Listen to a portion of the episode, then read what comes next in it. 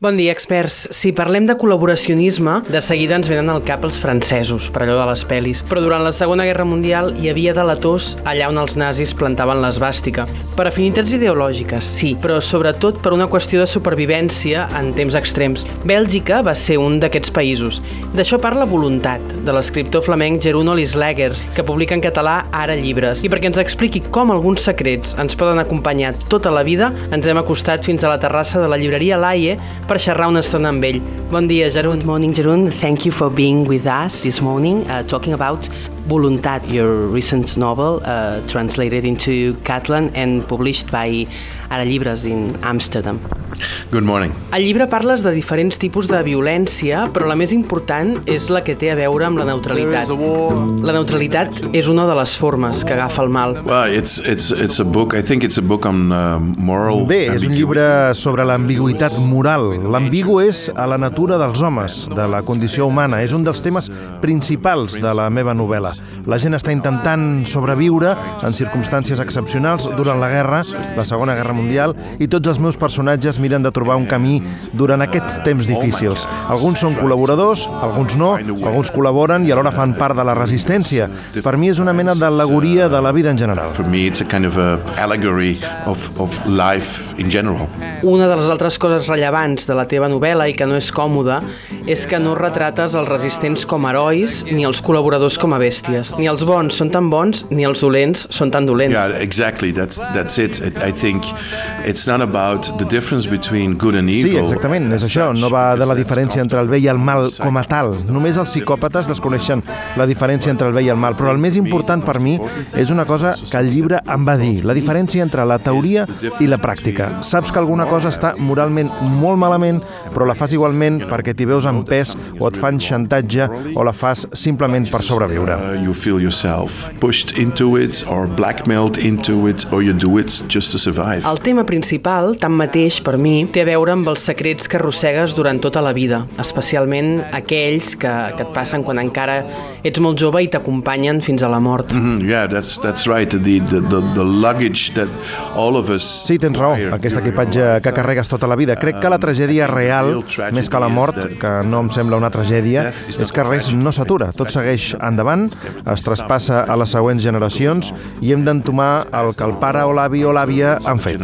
Generations uh, who try to deal with what father or grandfather or mother or grandmother have done. Sí, per mi aquesta és la part més commovedora de la teva novel·la, el moment en què el teu protagonista s'adona que les seves accions han generat patiment en la seva descendència, fins i tot quan ell era conscient de fer tot el que feia per sobreviure, conscient que no ho estava fent bé. Mm -hmm. It's true that the, the, the thing about a strange thing about És cert, el judici moral té alguna cosa estranya, sempre arriba després de les accions. La majoria de judicis es verbalitzen a posteriori, també quan ens jutgem a nosaltres mateixos. Ara mateix vivim temps excepcionals a tot el món i els nostres nets, la propera generació, ens jutjaran i decidiran si érem al cantó bo o dolent o en lloc neutral. I ho dius i quan hi penses sona injust, perquè tots mirem de sobreviure, però el judici moral arribarà, és natural, és humà. But the moral judgment will come. It's it's a natural thing. It's very human. my voice and it's been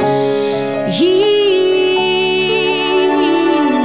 Teva novel·la també és una carta, no direm aquí per no espatllar-la, però també em fa pensar en el relat, en l'escriptura com a forma d'alliberament. Alliberem la història de la nostra vida, l'expliquem i així ja no és només nostra. La culpa no és només nostra, la compartim amb els, amb els altres.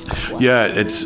I think there is a therapeutic value in every sort of uh, storytelling. I think the the basic. Crec que explicar històries té alguna cosa de terapèutic. Als orígens, la gent s'asseia al voltant del foc i algú s'escurava la veu i deia tinc una història per explicar-vos i eres allà envoltat de foscor amb els amics o la família. De fet, per mi és molt personal perquè vinc d'una família de narradors. Fèiem això els dissabtes. És per això que crec que el de narrador és un dels oficis més antics de la humanitat. Why I think that the storyteller is uh, one of the oldest professions in the, in, in humankind.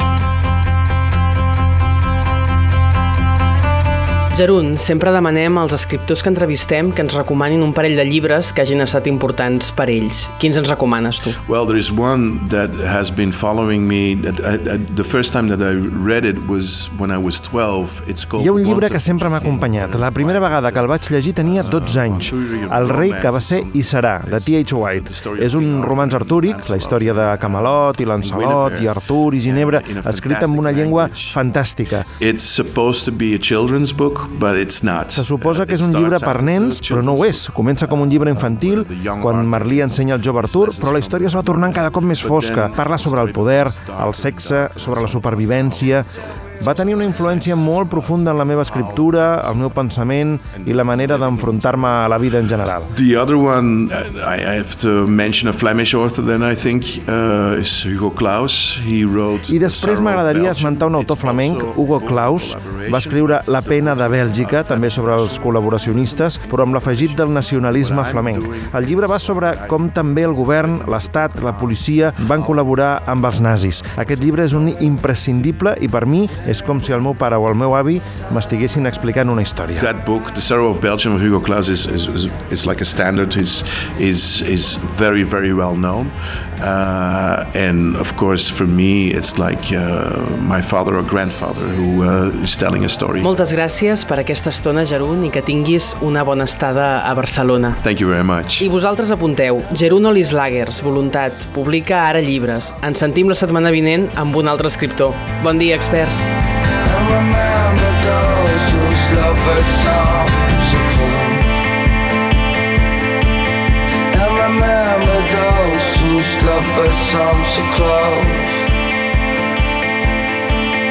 And remember those whose lovers songs so close. Els experts, amb Roger Saró i Albert Miralles.